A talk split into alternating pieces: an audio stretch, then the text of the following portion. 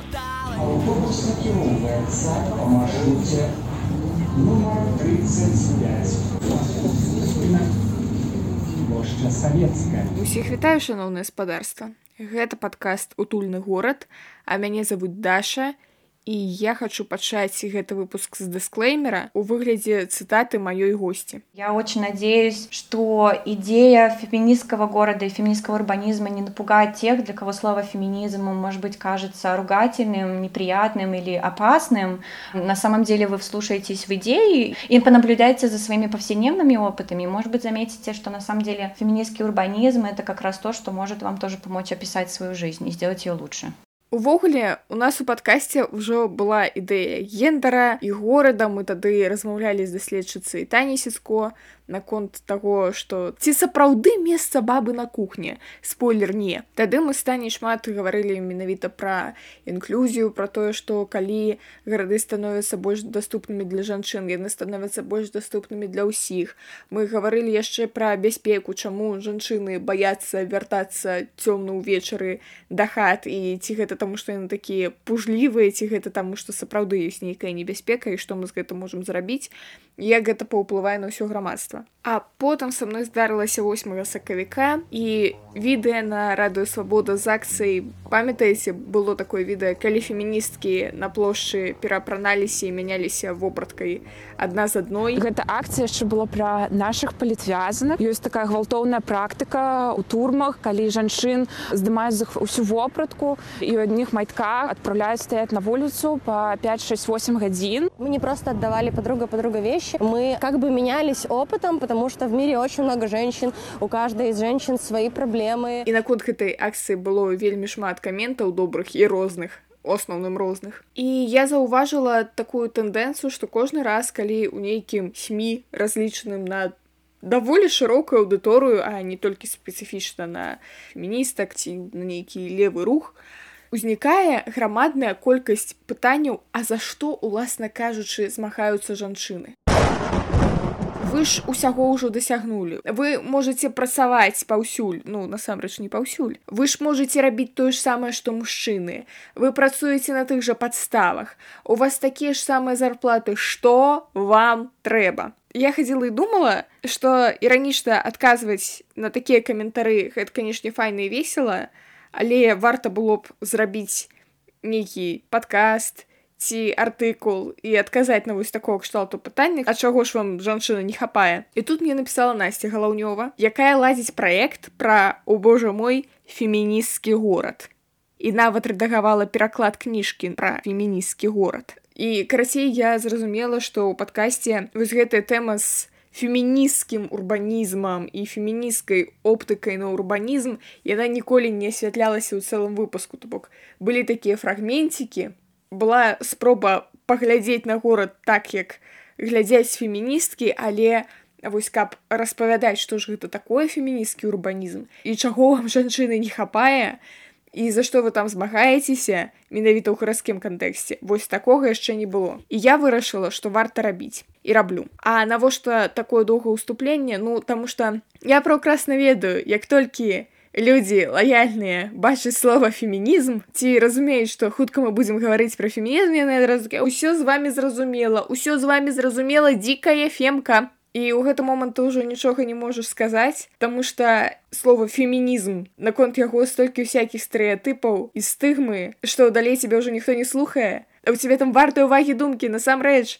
і людзі якія кажуць фо феміністкі яны насамрэч калі ўсё ж такі прыслухоўваюцца да гэтых ідэй яны думаюць хм а ў прынцыпе то ўсё па фактах Таму я спадзяюся што зараз вы паслухаеце гэты выпуск і таксама будзеце здзіўленыя таму што блин а ўсё ж такі неяк тут усё па фактах прыемнага праслухоўвання. Я настя галавнёва социологиня. Я родилась в Гродно, жила в Гродно до 18 лет. Когда мне было 18, я переехала в Питер. Там училась социологии в Питерском государственном университете. Там было очень много проблематичных идеологических моментов. Вот, поэтому социология мне безумно понравилась, но я решила для своей магистрской поменять место. И я училась два года в Европейском университете в Санкт-Петербурге, где познакомилась и с городской социологией, городскими исследованиями, и с феминистской теорией. И уже после магистрской я поехала продолжать свое образование в Амстердам. А там получила докторскую по социологии, и сейчас живу, живу в Брюсселе. В общем, я поездила довольно много, посмотрела на самые разные способы городского проживания и планирования. Ну, кроме того, что я исследовательница, я феминистка, активистка, вот, поэтому, наверное, эта тема очень здорово соединяет все эти интересы. Увогуле, гэта першы выпадак у гісторыі нашага подкаста, калі да мяне праходзіць госці, а не я пішу добрый дзень, калі ласка, дайце інтэрв'ю. Ты ввогуле да мяне прыйшла з прадстаўленнем, што вось у мяне ёсць праект, а яшчэ я не больш не менш рэдагавала кніжку, я такая клас, рэдактарская дзейнасць. Распавядзі, калі ласка, па-першае, пра гэты праект, што за ён? Да, я написала тебе потому что в нашей команде, в том проекте, к которому я принадлежу, «Нежный урбанизм», нам кто-то переслал сообщение от тебя о том, что ты искала исследовательниц или практик и практикинь феминистского урбанизма, гендера и города. И когда я увидела, что ты сама из Гродно и записываешь подкаст для Беларуси и про Беларусь, я очень обрадовалась и решила, это замечательная возможность выстроить какую-то связь с домом, которая немножко потеряна сейчас в последние годы. Кроме того, да, я написала тебе, что помимо вот этого проекта «Нежный урбанизм», я еще занималась научной редакцией книги «Феминистский город». «Феминистский город» — это книга, написанная канадской исследовательницей Лесли Керн, она была опубликована издательством Версо, одно из моих любимых издательств, таких радикальных, феминистских и антикапиталистических издательств. Год назад я работала над редакцией русского перевода этой книги в издательстве Ад Маргинем. И сейчас они публикуют эту книжку, она уже почти вышла в печать. Буквально несколько недель разделяют нас от публикации официальной, но есть аудиокнига, которую, по-моему, ты уже начала слушать. Да? Скоро будет презентация этой книги вместе с авторкой Лесли Керн. Когда я буду знать дату, я могу с тобой поделиться, чтобы, может быть, кто-то присоединился, послушал это онлайн. И это как бы две такие вещи, которые для меня очень связаны. Феминистская урбанистика такая теоретическая, и проект «Нежный урбанизм», коллектив, который занимается тем, чтобы переводить концепции феминистского города и феминистского урбанизма на постсоциалистическое пространство. Такой просветительский проект, задача которого наконец-то сделать не сексистский город в регионе, про который довольно мало написано на самом деле в академической литературе по феминистской географии. Чамусьці мне больш за ўсё кінулася у вушы фраза пра постсацыялістычную прастору я просто подумала які ж парадокс что людзі відавочна левых поглядаў мусяць нешта прыўносіць у прастору якая быццам постсацыялістычная то бок калісьці яна была левай а зараз мы ад гэтага адыходзім а мы ўсё адно мусім туды прыўносіць нейкія левыя ідэі я думаю блин вось ён такі постсавецкі парадокс. Он и парадокс, и в то же время нет, потому что, наверное, все равно наиболее популярное настроение там после 90-х было это разочарование в социалистических идеях. Поэтому неудивительно, что люди так радостно встречали идею неолиберального города или капиталистического города, города, который развивается, который индивидуальный, где есть профит, где есть инвесторы, девелоперы. Все очень-очень надеялись, что это привнесет какие-то классные перемены в их жизни. Но оказалось, что это принесло очень много социального неравенства и разочарований, и поэтому сейчас есть вот такой повышенный интерес к левым идеям снова, к феминистским идеям в том числе, а если мы посмотрим на существующие книги о феминистском подходе к городу, то почти нет ничего исторического и современного, что нам рассказало бы, что же делать вот с этим странным постсоциалистическим наследием и типом планирования города, и как гендер встраивался там на самом деле в городское планирование, мы знаем довольно мало. И очень здорово было бы переписать эту историю и поставить вот этот Global East, по крайней мере, в городских исследованиях часто это называют The Global East, поставить Global East на карту феминистского города тоже. Вось давай тады паговорам пра гэтую канцэпцыю фемінісцкага горада і капіталістычнага горада чым яны адрозніваюцца і чым чаму у нас есть нейкія розныя падыходы да урбаністыкі это очень хороший вопрос почему у нас разные подходы феминистский город это такая довольно вольная, свободная категория, а не суперопределенная, которая является продуктом феминистской урбанистики или феминистской географии. Феминистская география, урбанистика довольно молодая область исследований и теоретических и прикладных исследований, которая сложилась более-менее институционально в 70-е годы, после протестов, после повышенного интереса, после второй волны феминизма, после повышенного интереса к социальным неравенствам и борьбы за базовые права для самых разных людей и самых разных населений. И вот неожиданно в 70-е годы появляется такая более отрефлексированная позиция, почему город и гендер связаны, как они связаны, и как гендерные отношения власти создают то городское пространство, которое нам кажется универсальным, натуральным и неоспариваемым. Эм, эти исследовательницы наконец-то обращаются к самым базовым теориям города и пространства и показывают, что все эти теоретики забывали про гендер снова и снова. Почему они забывали? Тут много разных ответов может быть. Кто писал эти теории? Естественно, женщины были исключены. Как писались эти теории? И в итоге появляется вдруг группа людей, которые говорят, нет, мы хотим сделать гендер и другие пересечения гендера и социальных неравенств, например, гендер и раса. Мы хотим сделать гендер и расу базовым фокусом городских исследований. И получается тогда, что если мы смотрим на феминистский урбанизм и феминистскую географию, мы понимаем, что та география, которая существовала до и которая до сих пор существует, это гендерно нечувствительная география или сексистская география. И желают люди того или нет, но они, к сожалению, воспроизводят некоторые базовые установки патриархата, в которой опыт людей с разными гендерами просто не учитывается и стирается. И я помню, что когда я только начала заниматься городскими исследованиями, городской социологией, все наши курсы по фундаментальной городской социологии. Все говорили о каком-то пользователе, о каком-то человеке. Был класс, была раса, но ни разу не было фокуса на том, а как же проживают город женщины и почему именно так.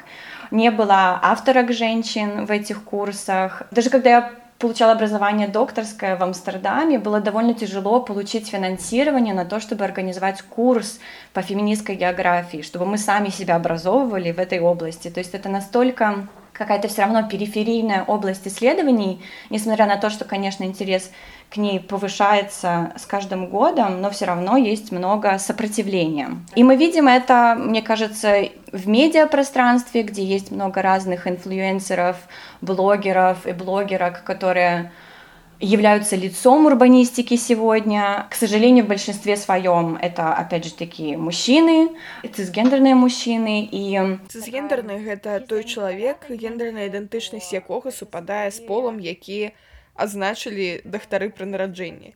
То бок калі вашай маці, калі вы нарадзіліся сказалі віншуем у вас дзяўчынка і вы сябе лічыце дзяўчынай, жанчынай, то вы цисгендерный человек. Если они говорят о гендере, то это скорее либеральная концепция «давайте сделаем город удобным и для женщин», в том смысле, чтобы женщины тоже стали пользователями определенных услуг, чтобы, чтобы они включились в это рынок покупки жилья, чтобы им было интересно жить в каких-то жилых комплексах, которые брендируются определенным способом. То есть все равно эти подходы, они не ставят под вопрос, а как же патриархат устраивает город. И вот это тот вопрос, чем занимается феминистская география. Они не собираются чинить город, чтобы сделать его удобным для патриархата, они хотят поставить эту основу под вопрос и перевернуть ее. Окей, тогда давай я тебе задам менавіта гэтае пытанне, як же патриархат будуе город? Супер фундаментальный вопрос для многих областей исследования. Короткий способ ответить на этот вопрос – это через бинарность пространства. Гендер становится кодом городского пространства, в котором мы учимся с самых малых лет проживания города, что есть что-то мужское и есть что-то женское. Приватное пространство квартиры женское, кухня женская, зал и городское пространство — это мужское. Может быть, ты тоже помнишь из своей социализации, как ты росла, насколько тебя родители поддерживали выходить в город или нет, и когда они начинали волноваться, если ты в городе слишком долго проводишь времени. Я помню в Гродно, когда проходили большие праздники, фестивали, типа День Победы или День независимости, и я очень хотела остаться как можно дольше, быть частью толпы, насколько мои родители, особенно папа, сходили с ума, что я прихожу домой позже. И в итоге было ощущение, что, в принципе, город это не совсем для тебя, что ты чувствуешь себя, возможно, как-то скованной, смущенной, куда-то ходить нельзя или нужно обязательно рассказывать об этом своим родителям. Вот это само разделение, что есть мужское и женское, через пространство оно становится, оно становится натуральным. Оно становится естественным и чем-то, что мы никогда больше не ставим под вопрос. Это как бы очень абстрактная форма ответа, как патриархат влияет на город. Есть немножко более конкретный ответ – патриархат создает город таким образом, что люди, которые производят город, производят его с ориентацией на определенный тип тела и опыта. Это то, что называется нормативным телом. И вот это нормативное тело становится телом мужчины без ограничений возможностей здоровья. Эти вещи незаметны, но они встраиваются в нашу жизнь настолько между строк, что мы очень редко ставим под вопрос, а почему кому-то в городе удобно и неудобно, страшно и не страшно, кто-то устает больше и кто-то устает меньше, а потому, что только одна группа людей на самом деле вписаны в городские объекты и городское пространство. Вось глядзе наконт апошняй часткі гэта тое што мы дарэчы ў мінулым сезоне абмярковалі стані сяско як так сталася што у нас шафы на кухнях пад нейкі рост сярэднестатыстычнага мужчыны хаця здавалася б а кухня это быццам бы женская прастора у такой традыцыйнай канструкцыі атрымліваецца шмат хто выключаецца у такім выпадку то бок напрыклад мужчыны у якіх рост меней за метр восемьдесят і да халеры таких мужчыны таксама выключаюцца але ну просто мы кажам что сярэднестатыстычны мужчына вось ён такога роста сярэднестатыстычная жанчына яна ніжэйшага росту вось быццам бы тут у нас усё под мужчыну гэта так просто каб нам адразу ў каментарах не написали ведаеш а між іншым ёсць і мужчына невысокага роста а ёсць і жанчыны баскетбалісткі метр девяносто і что вы нам зробіце гэта зразумела але ж наконт першай часткі наконт того што горад быццам бы не жаночая прастора вось наконт маёй сацыялізацыі сапраўды мае бацькі пераважна маці як бы бацьку было так ён не асабліва хваляваўся наконт таго чым я там займаюся ідзе хаджу там кшталту не галодная не галодная ўсё нормально у мамы сапраўды было даволі шмат страхаў наконт таго куды я там пайшла і што пайшла і для яе заўсёды было прынцыпова каб я не была адна ты ідзеш на нейкае свята з кім сяброўкай добра сяброўкай нормально з кампаніяй з кампаніяй хорошо одна слухай ну я нават не ведаю як гэта ты адна пойдзеш калі я зараз запытаюся сваёй мамы я ўпэўнена што яна скажа што яе ні ў якім разе не было такой думкі што ты дзяўчынка тваё месца недзе там а яна просто за мяне хвалявалася што са мной можа нешта здарыцца а што менавіта ці я траплю под машину ці мяне згвалсяць ці мяне абваруюць ці я паб'юся з мелісіянтамі там ужо у яе розныя маглі быць фантазіі мяне пытанне калі моя мама на такое пытанне зноў жа адказвае я хвалявалася не таму что ты дзяўчынка і гэта прастора не для цябе а я просто хвалявалася что с тобой может что-то здарыцца няўжо мамы хлопчыкаў не хвалюются за сваіх сыновей это вопрос который повторяется снова и снова и активистками и исследовательницами тоже а здесь дело не в том что гендерное неравенство производится потому что у людей есть такая отрефлексированная сексистская позиция, это не для девочек. Самые разные мотивации могут включаться в то, что мы волнуемся о девочках больше, чем о мальчиках в городском пространстве. Но важен эффект, что девочки вырастают с ощущением, что им нужно бояться, что им нужно беспокоиться и продумывать свои маршруты гораздо более внимательно, и поэтому они начинают себя ограничивать, когда и куда они ходят. Продуктом этого является как раз-таки очень специфическая география, что ты не выходишь там на улицу после 11, или ты выходишь только с группой людей, а что если этой группы людей нет? Я вот сейчас переехала в Брюссель, и первое, что мне сказала моя подружка, которая жила в Брюсселе, это Настя, не ходи в короткой юбке и одна по улицам после 11. Ты привыкла к Амстердаму, где нет вот этого стрит-харасмента настолько очевидного. Стрит-харасмент можно перакласці як заляцанне на улицах. А в Брюсселе все гораздо хуже. Я еще не увидела город, а я уже знала, как его нужно проживать. И это было очень странно и страшно понимать, что город не твой. Опять же таки, я росла с братом, который был на 10 лет младше меня, поэтому пока я росла, я не замечала разницу, а потом, когда оказалось, что ему было 14 14, 15, 16 лет, а мне было 26, и я уже уехала от родителей, я заметила, что они совершенно по-другому обращались с ним и с его опытом проживания города. Ему можно было находиться одному в городе, ему не названивали злые родители, вот я из-за тебя не спала сегодня опять. Это показывало мне снова и снова, что, конечно же, все-таки разница есть. Это не значит, что для мальчиков и мужчин не опасно быть в городе. У них совершенно другой тип опасности. Мальчики и мужчины боятся быть подвержены ну, групповому мужскому насилию, типа там у меня украдут что-то или побьют, потому что я выгляжу не так, или иду один по улице. Там есть этот аспект страха, но он гораздо менее выражен. А если мы посмотрим на исследование, чего боятся мужчины в городе, это то, что у них что-то украдут, на них нападут. Чего боятся женщины, то, что их изнасилуют. Это атака на твою идентичность, на твою субъектность, на вообще кто ты как человек в этом мире, что тебя просто, у тебя заберут вот эту субъектность. И это гораздо страшнее и фундаментальнее. Вот это вельми важная история про то, что нават калі там наши бацькі ці грамадства вакол нас не мела на увазе, что ты жанчына на твоё месца на кухні але ўсё адно нават калі табе гэта не казалі напрамую то ўсё адно вырастаеш з разуменнем дзе твоё месца дзе не тваё месца дзе табе бяспечна дзе не і вось напрыклад калі казаць пра гродна і грозенскія ўсякія рэчы скажем так толькі самыя адвязныя дзяўчынкі маглі пайсці там на закінуты мост ты ведаеш на вішнёўцы так палазіць па нейкіх заброшках па кустах і яшчэ недзе а хлопчыкі гэта рабілі нават самыя ціхія і хатнія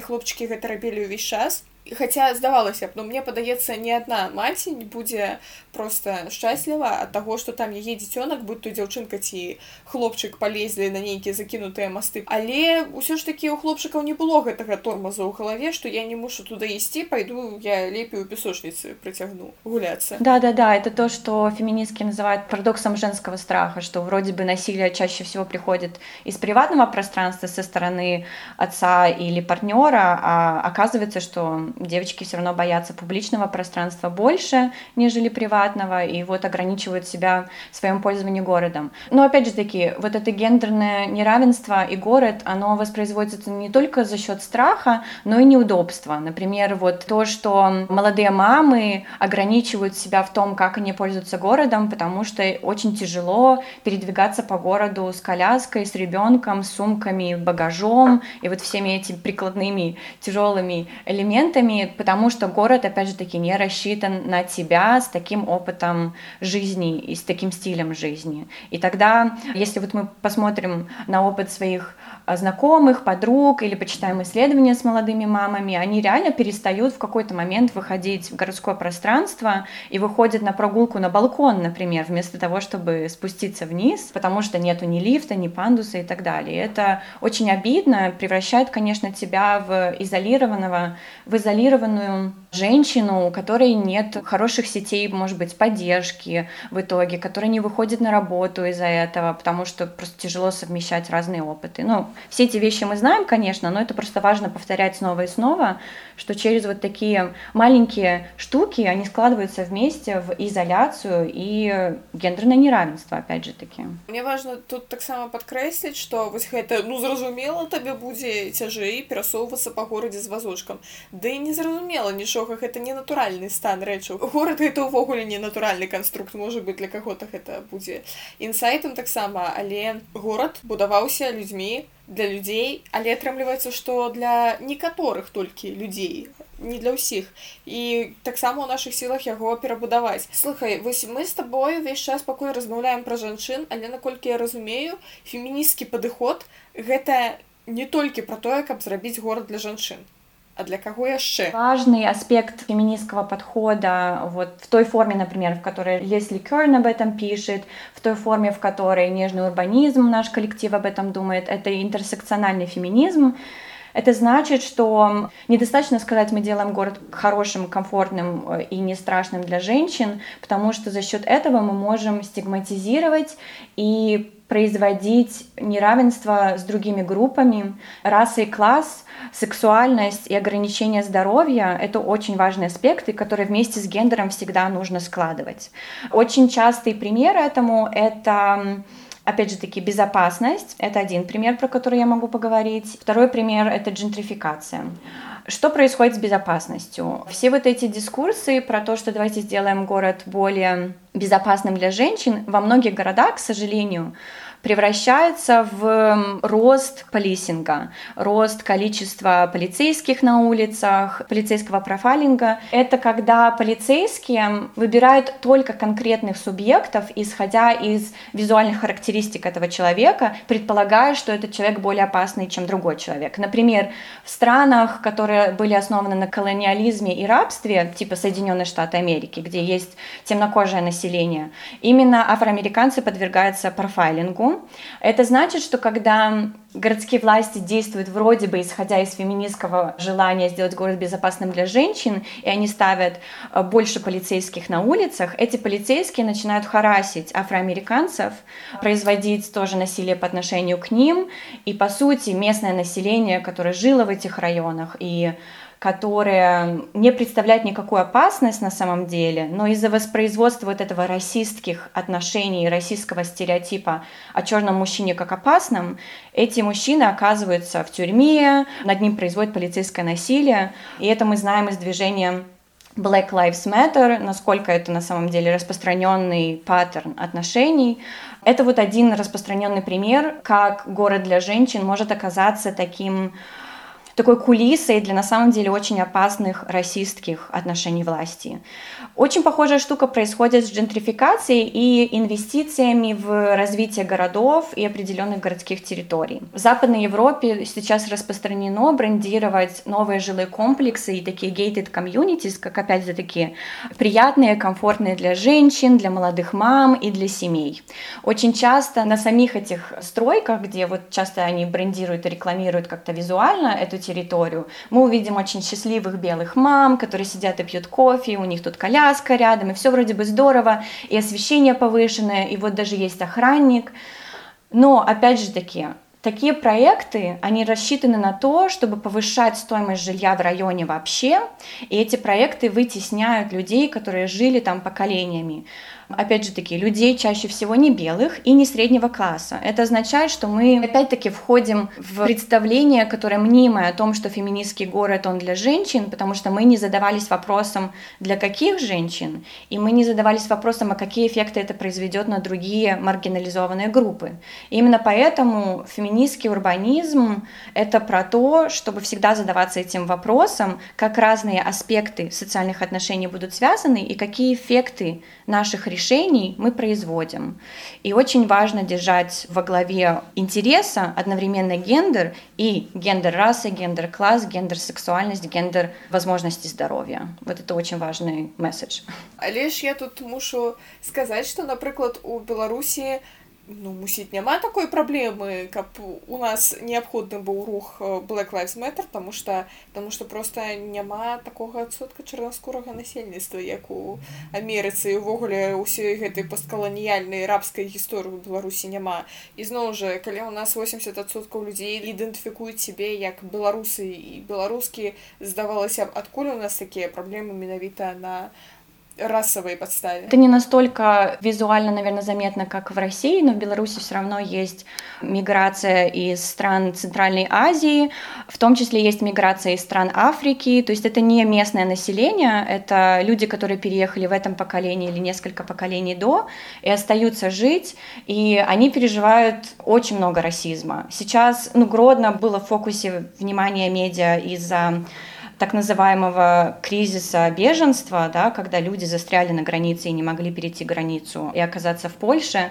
и то, как эм, многие белорусы относились к, к этому населению, к людям, которые бежали от войн и других ужасных вещей, происходящих в их странах, но это тоже было очень проблематично. То есть все равно раса здесь есть и важна, она просто не является такой частью институционального принятия решений, как это было в Штатах, это точно. Но вот класс, например, нам стоит подумать о классе, нам стоит подумать об ограничениях здоровья. Если мы строим что-то для, для женщин, которые с нормативными телами, и забываем опять про людей с инвалидностями, видимыми и невидимыми, это уже не феминистский город. Слухай, мне чамусьці пакуль успомнілася толькі бясконцая рэклама у гродзенскіх аўтобусах і тралейбусах і билбордах якія рэкламуюць напрыклад медычны цэнтр ладе пры ўсёй павазе да медычнага цэнтра ладе але вы бачылі якія там цэны з аднаго боку разумею ну а што цяпер забараніць усім рэкламавацца тому что гэта можа быць камусьці не па кішэні так а з іншага боку я разумею что калі у вас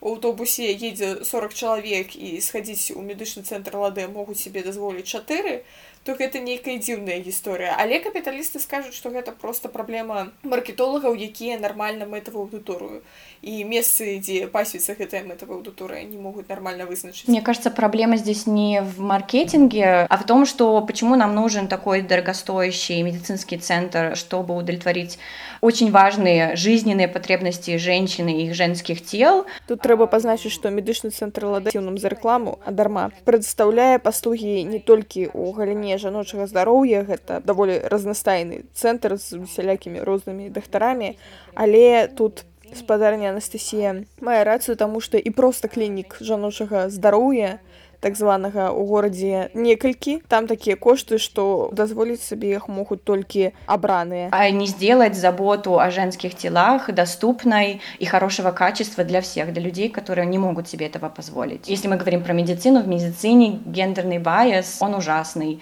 женщины которые приходят с симптомами к докторам им очень часто не верят потому что думают что они преувеличивают свои симптомы потому что женщины такие эмоциональные у меня у самой хронические заболевания и годами годами годами я боролась с докторами, которые просто не верили мне, что моя боль не проходит. И в итоге не занимаются твоим телом и не помогают улучшить качество жизни. И поэтому, конечно, Ладе — это просто один из примеров того, как опять-таки желание девелоперов, желание капиталистов и инвесторов создавать какие-то эксклюзивные лакшери-услуги, если мы говорим про городское пространство, будет влиять на то, как остальные люди проживают город. Неожиданно мы не можем себе позволить жить в том районе, в котором жили, не знаю, 20-30 лет, и это не окей, это не нормально. А не можем дазволіць сабе жыць гэта закон таго што там напрыклад у крамах цэны раптам падвышаюцца тому что гэта становятся крамы арыентаваныя на мясцовае насельніцтва у якіх да халеры грошай яны не ведаюць куды гэтыя грошы падзець в этом сенсе, так? Это механизм, за счет которого капитал, который люди инвестируют в эту территорию, вынужденно повышать цены для всех. И это на самом деле есть именно стратегия этих инвесторов. Они хотят, чтобы жизнь в этом месте была дорогая, и чтобы только средний или высший класс могли себе позволить жить в этом месте, потому что у этого места сейчас новый классный бренд. Или... И в итоге, да, вытесняется местное население, или они себе могут позволить все меньше, меньше и меньше, потому что в эту территорию сейчас так вкладываются активно. В Беларуси, я не знаю, насколько джентрификация — это прям насущная, насущная тема. Кто-то говорил, что джентрификация невозможна на постсоциализме, потому что это другой контекст, там по-другому работает частная собственность и капитал, но на самом деле во многих городах постсоциализма все равно джентрификация наблюдается, то есть люди которые жили поколениями в одном месте, из-за того, как городские власти и девелоперы вкладываются в территорию и хотят из нее просто вынести весь возможный профит, просто выжить все, что возможно, страдают э, люди рабочего класса. Зразумела тебе, мне падаецца гэта такая гісторыя, напрыклад пра вуліцу Белуша ў Гродні. памятаеш, дзе вуліца Белуша. Там далей застрайваецца ўжо ля нёма на гэты квартал. Як заўсёды я не вельмі добра сябрую з назвамі вуліц, вось гэтая вуліца, дзе зараз узнік гэты квартальчык аля новая баравая, гэта вуліца Ліцкая. Мела я на ўвазе не толькі вуліцу Белуша, але і за завулак белуша бо там таксама інтэрнаты і былыя інтэрнаты сямейнага тыпу але я ўпэўнена вы ведаеце гэтую мясцовасць і там такія класныя лакшары дамы аля новая баравая яны канешне вельмі класныя але яны разлічаныя на людзей у якіх даволі да халеры грошай. Квартальчык ён суседствуе з людзьмі якія жывуць у былых інтэрнатах сямейнага тыпу на вуліцы белуша. То бок наколькі мы разумеем там у людзей крышку меншыя прыбыткі ці значна меншыя прыбыткі ну сапраўды гэта месца для рызыкі да мне кажется да на самом деле исследований эмпирических практически нет. Поэтому тяжело сказать насколько вот этот аргумент который в феминистской географии он уже довольно стандартный почти для всего мира насколько он будет работать в нашем контексте. Беларусь это не Россия это не Украина это не Польша это не Литва. Везде есть свои специфики и поэтому было бы очень-очень важно посмотреть как это работает там. У меня к сожалению таких исследований нет. И это такие вещи которые происходят из-за того, что они могут быть не супер быстрыми, то есть это трансформация одного пространства или района, которое происходит довольно медленно, оно может показаться естественной. И может показаться, что ну, просто так работает город. Но это неправда. Это это результат намеренной стратегии городского правительства и определенных инвесторов сделать эту территорию интересной с точки зрения профита. Что тебе могу сказать конкретно про гэты квартальчик, які я узгадала? У іх там вялікая праблема з гарадскім транспартам, тому што да аднаго прыпынку ісці 20 хвілін, да другога прыпынку ісці 20 хвілін. І людзі як быццам бы выключаныя з гэтай прасторы гарадскога транспарту але у чым прышпіл паколькі кватэры там набываюць людзі не самыя бедныя у іх звычайна ёсць прыватныя аўтамабілі і нават у колькасці некалькі штук на сям'ю і атрымліваецца што нават людзі у якіх тэарэтычна маглі бы знайсціся грошы на первы ўнёсак по крэдыту каб набыць там кватэру у прыгожым доме але для іх вельмі важна каб быў менавіта грамадскі транспорт поблізу яны не будуць собирать гэты квартал и наверняка девелоперы и городские власти или муниципалитет будут использовать это как аргумент зачем не нужно строить остановку потому что у всех ведь есть автомобили и все могут себе это позволить а мы не знаем кто себе это позволяет какие кредиты они брали какие наследства они получали и возможно люди не хотят пользоваться автомобилем, даже если могут себе этого позволить. Опять же таки, вот говоря про транспорт, это очень важный аспект исключения женщин из городского пространства или создания дополнительных трудностей, которые выключают их из рынка труда или просто настолько выматывают женщин, что сокращают их качество жизни тоже. Как публичный транспорт рассчитывается в городе? Это чаще всего ориентация на маршруты, стандартные маршруты мужчин, которые передвигаются из точки А в точку Б, дом-работа, работа-дом. Исследования показывают, что у женщин эти маршруты выглядят совсем по-другому. Во-первых, они чаще всего не могут себе позволить личный автомобиль, они катаются на публичном транспорте. Во-вторых, они также чаще ходят пешком, чем мужчины, именно потому что беднее статистически. И в-третьих, их маршрут не с точки А в точку Б и обратно, а из дома в магазин, в аптеку, из аптеки поухаживать за моей мамой, которая стареет в другом районе, потом я забираю детей из школы, из ясель, детского сада, а потом опять в магазин, и потом опять домой. И в итоге это очень разбитый маршрут, под который публичный транспорт часто не подстраивается. Что происходит тогда? Входит неформальный транспорт или полуформальный транспорт, типа маршруток, которые пытаются пытаются, возможно, как-то встретить этот недостаток в публичном транспорте, но ставят на это коммерческие цены. И насколько цены росли на маршрутке в последние годы, каждый раз, когда приезжала навещать маму, это было просто сумасшествие. В итоге, да, опять же таки, кто себе может позволить тогда каждый день ездить на маршрутке, особенно несколько раз в день, если у тебя такой сложный маршрут. Получается, что как люди пользуются транспортом, очень связано с тем, какие ответственности и роли накладываются на них в жизни вообще. Потому что женщина ухаживает за родителями, и женщина ухаживает за детьми, и женщина делает бесплатный труд по заботе над всеми, у нее вот складывается такой маршрут. А потому как от мужчины этого не ожидается, его маршрут выглядит по-другому. Увогуле мне падаецца гэта да пытання нябачнасці жанчын, якое падымалася і ў кніжцы нябачныя жанчыны і ў той кніжцы, якую я зараз пачала слухаць, якую ты рэдагавала.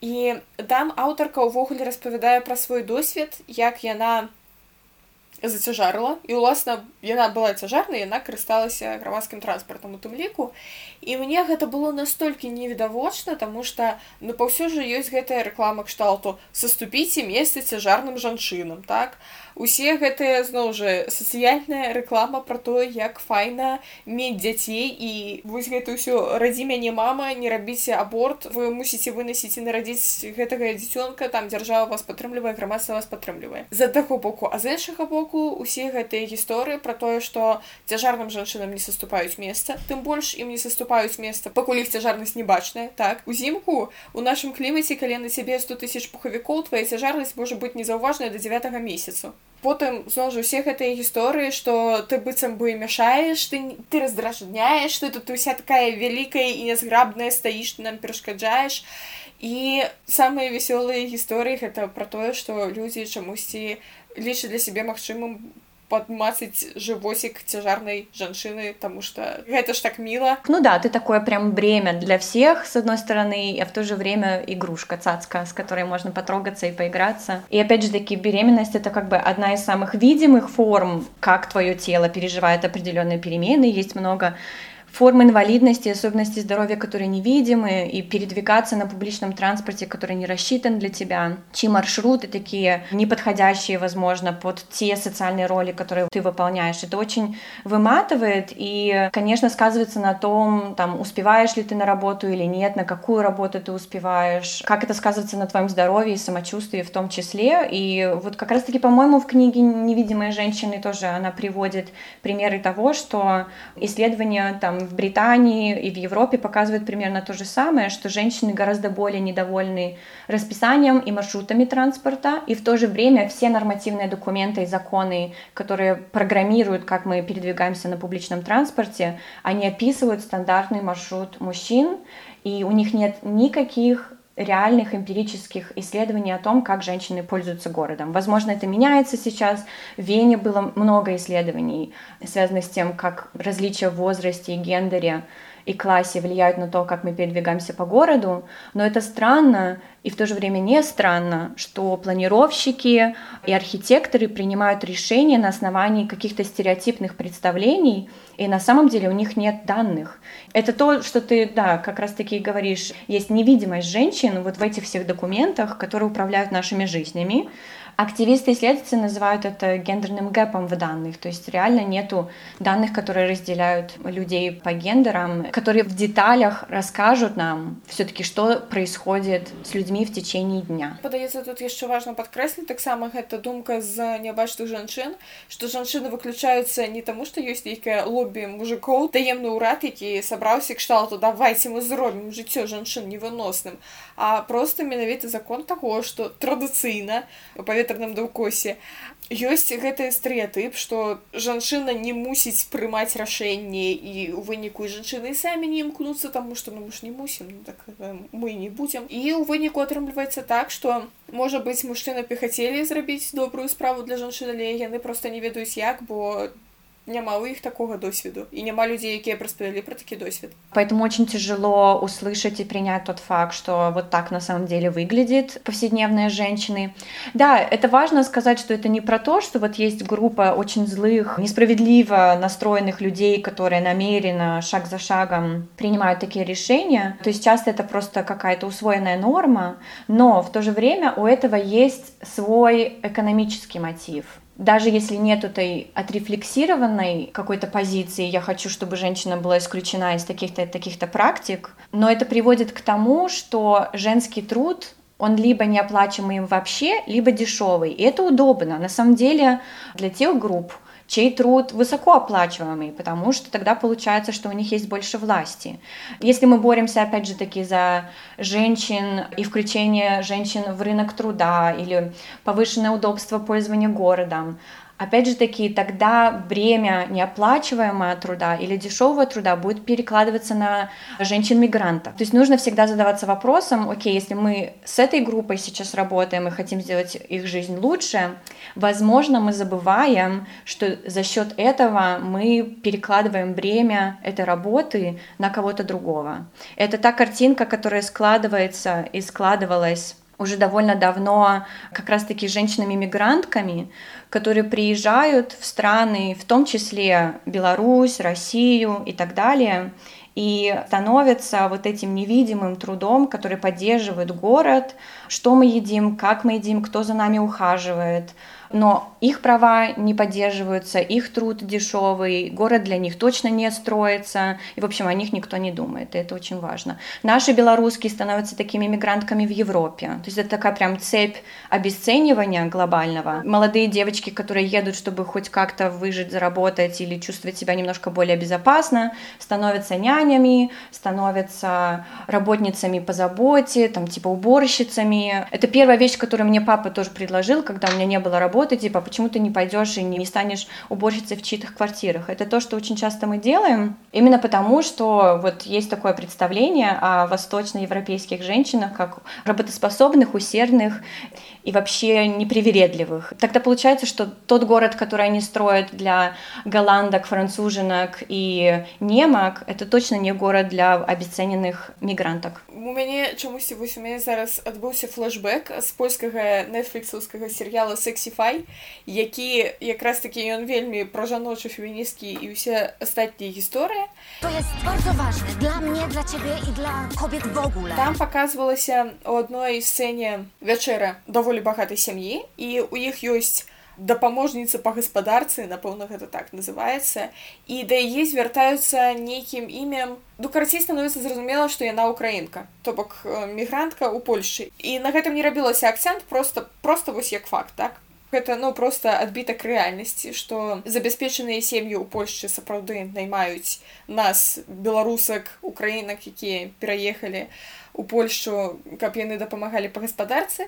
З іншага боку мне не спадабалася што гэтая тэма ў серыяле ніяк не была раскрытая як бы просто як факт. Не з'явіўся ніякі персанаж які б сказаў слухайце а дарэчы гэта ж распаўсюджаная такая з'ява а як вы ўвогуле да гэтага ставіцеся а мы что тут усе такія феміністкі можам зробім штосьці з гэтым Ну, эта задача, конечно, была и сценаристок, сценаристов, режиссерок, режиссеров поставить это под вопрос как-то. Но, видимо, это не было, опять же таки, отрефлексировано. Мне кажется, для многих людей это просто натуральный исход вещей. Есть здоровские исследования как раз про миграцию белорусок и украинок в Польшу и про то, как эм, они становятся вот этим дешевым рабочим трудом сравнительно с тем, как мигрантки из Центральной Азии становятся дешевым рабочим трудом, например, в России. То есть производятся некоторые отношения очень схожие с э, расизмом, когда о тебе говорят как какой-то такой послушной слуге, который существует для того, чтобы выполнять чьи-то желания, но недостойно хорошей оплаты. Есть такі тэрмін мігаючая белізна у тым сэнсе што ты як бы белая жанчына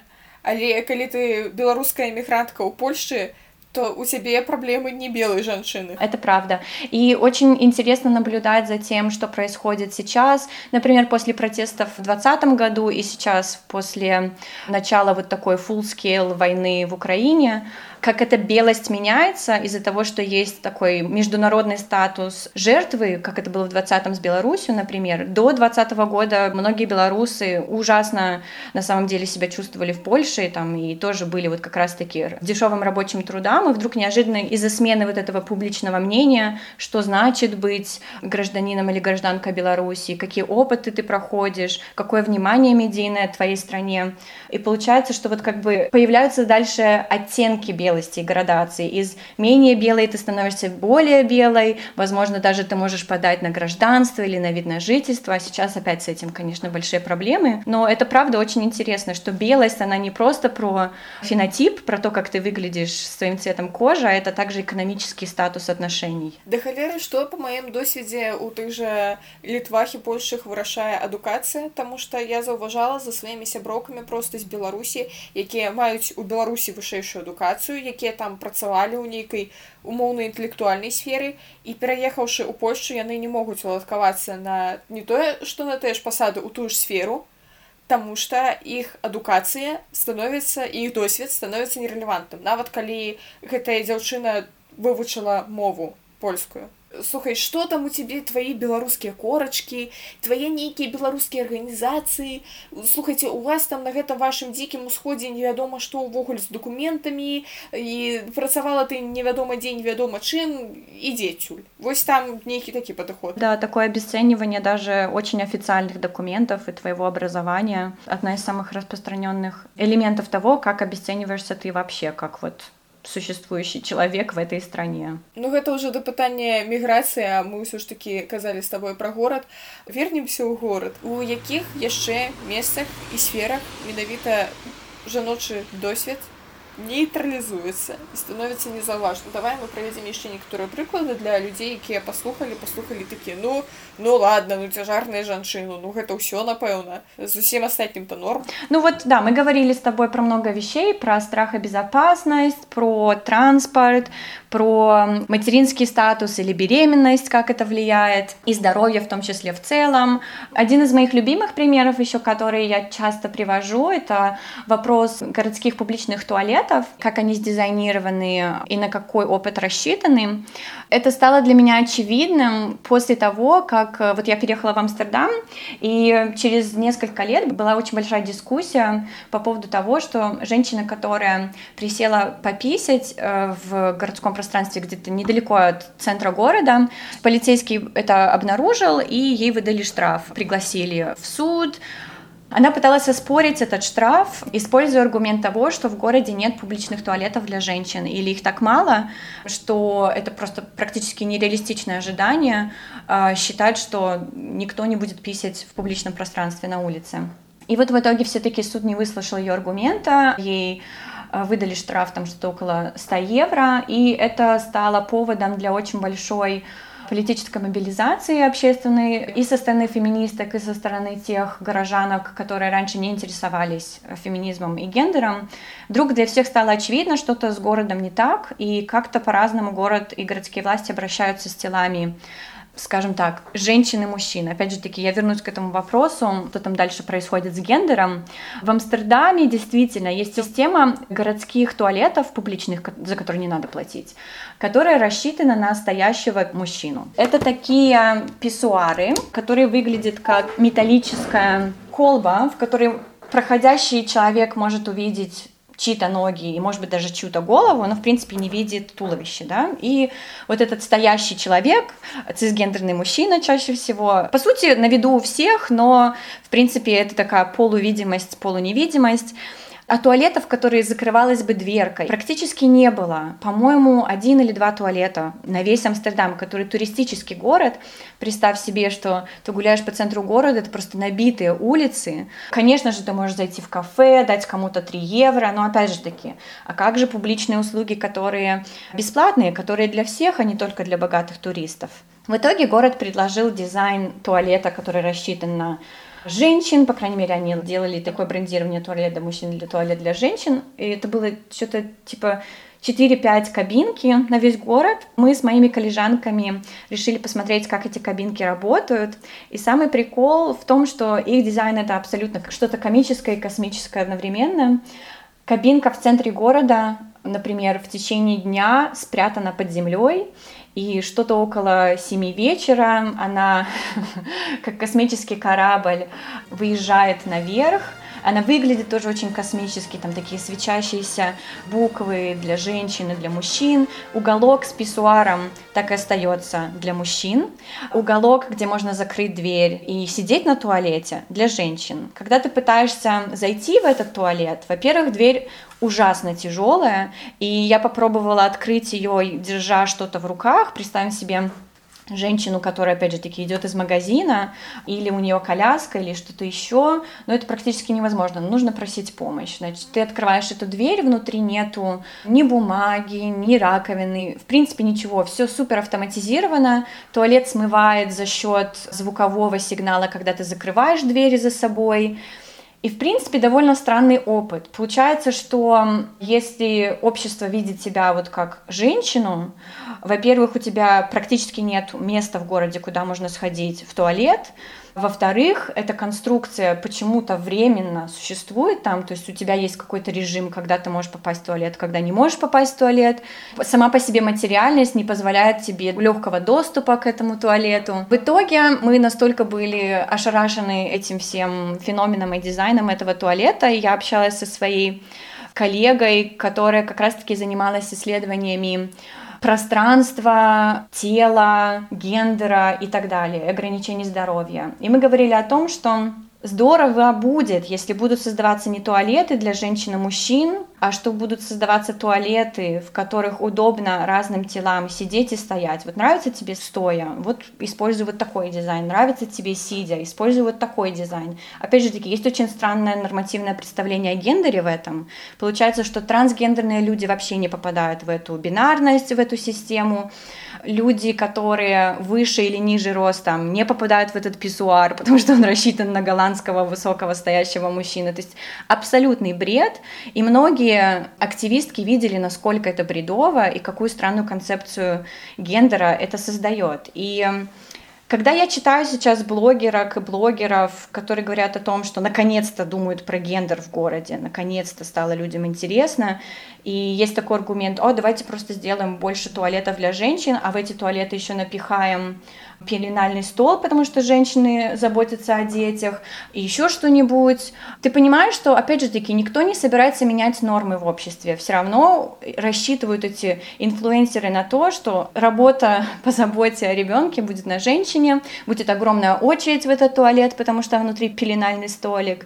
Все мои опыты походов в публичные туалеты в городе том числе в Гродно, это стояние в очереди. И ты понимаешь, что это очередь, это хороший индикатор того, кто дизайнировал этот туалет и для кого. И вот право на туалет — это самое фундаментальное право городского пространства. У Гродни туалеты — это особные від пекла вось ты зараз рассказала я думаю боже ты мой мне падавалася у гэтай вашай заходняй Еўропе вось гэта ўжо рэкардсмены па гендернай роўнасці і ўвогуле клопату пра усялякія розныя катэгорыі насельніцтва а нет Хаця я ведаю адкуль бяруцца гэтыя стэеатыпы ты распавядаеш амстердам брусель я не вельмі разумею што гэта дзе ў якой краіне у якой частцы мапы і гэта ўсё адзін вялікі як это не мордар а наадварот нейкая краіна эльфаў Гендерная нарнія дык вось наконт нашага гендернага мордара успомні калі ласка на хвіліначку я разумею што гэта дрэнныя ўспаміны будуць.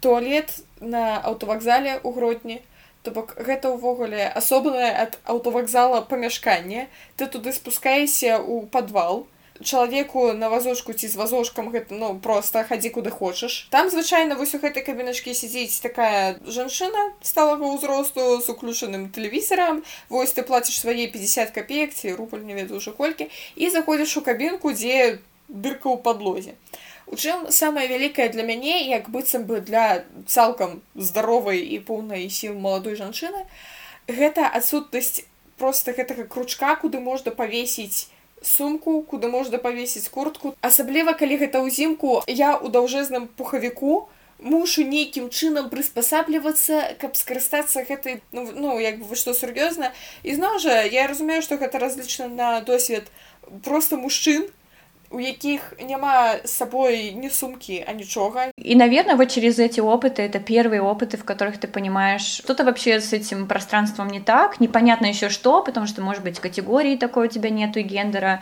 или кажется, что ну это все случайно, опять же таки, может быть, просто плохой дизайнер, а когда ты понимаешь, что этот плохой дизайнер, он примерно везде, в каждом городе, где ты была когда-нибудь, в каждой стране, куда ты ездила как туристка, оказывается, что дело не в плохом дизайнере, в какой-то системе, которая всех этих дизайнеров делает плохими. Ну, слухай, что далеко ходить, у меня в моем университете, у Виленским, где я заўсёды ўсказваю што я вучуся ў віленскім універсітэце каб ні ў каго не было сумневу што я не вучуся ў егу так вось у віленскім універсітэце дзе ўсё прыгожа сучасна і адрамантавана таксама ў жаночым туалеце ў кабінках проста няма гробаных кружкоў пры гэтым у корпусах няма гардроба куды ты мусіш здаць куртку чувакі вы на што разлічвалі просто вось вы калі не вешалі гэты кружок вы на што разлічвалі ну окей буду кідаць куртку на подлогу що буду рабіць для ўсяго гэтага пекла наколькі я разумею ёсць альтэрнатыва под класнай назвай пяшчотны горад нежны горад что гэта такое Расскажи, Каля Ласка. Это вот как раз-таки наш коллективный просветительский проект, который основан на идее феминистского города, задачей которого является как раз-таки создание городского планирования и дизайна который нормализует идею феминистского города и принципы феминистского города, который ставит гендер в центр своего анализа и гендерную справедливость в центр своей практики. Нежность в названии, она отсылает нас к заботе, к феминистской концепции заботы. То есть это город, который заботится обо всех, а не только вот этих нормативных телах, про которые мы говорили сегодня, тело мужчины среднего класса, белого, скорее всего, без ограничений здоровья. И подчеркивает, что та работа по заботе, которую обычно делают женщины бесплатно, бесконечное количество часов, она должна быть распределена между всеми, и за счет этого город станет более заботливым и нежным по отношению к самым маргинализованным группам населения. То есть у нас есть часть, которая немножко более просветительская, например, у нас есть телеграм-канал, где мы пишем про литературу феминистскую в городских исследованиях, где мы пишем про разные также практики, которые существуют по всему миру, и есть подкаст, где мы говорим про то, что такое феминизм феминистский город и нежный урбанизм. Как раз-таки один из эпизодов подкаста было про специфику постсоциализма. Там скорее больше вопросов, нежели ответов, потому что так как мы с тобой уже тоже обсудили, на самом деле, и истории гендера в городском планировании на постсоветском пространстве, и современного опыта, мы знаем про него довольно мало, поэтому нужно эту историю еще писать. Но для нас вот самое главное, наверное, самая главная идея это про то, что мы хотим город, который не сексистский, не расистский и не эксплуатирует природу. То есть мы еще и говорим о так называемых нечеловеках или окружающей среде, природной среде и то, как город и эта среда взаимодействуют. Поэтому надеемся, что феминистский город и принцип нежного урбанизма станет единственным возможным принципом в городском планировании, чтобы наконец-то поставить под вопрос вот все те структуры, которые эксплуатируют и которые делают нашу жизнь тяжелее, и предложить альтернативу этому. Клас, шановное господарство, я покину спасылку на гэты проект у опісанні. А таксама вы можете подписаться на наш подкаст, поставить лайки, зорашки, усе астатнія прыемныя знакі і памятаць, што хутка мы з вами пачуемся. Поездные билеты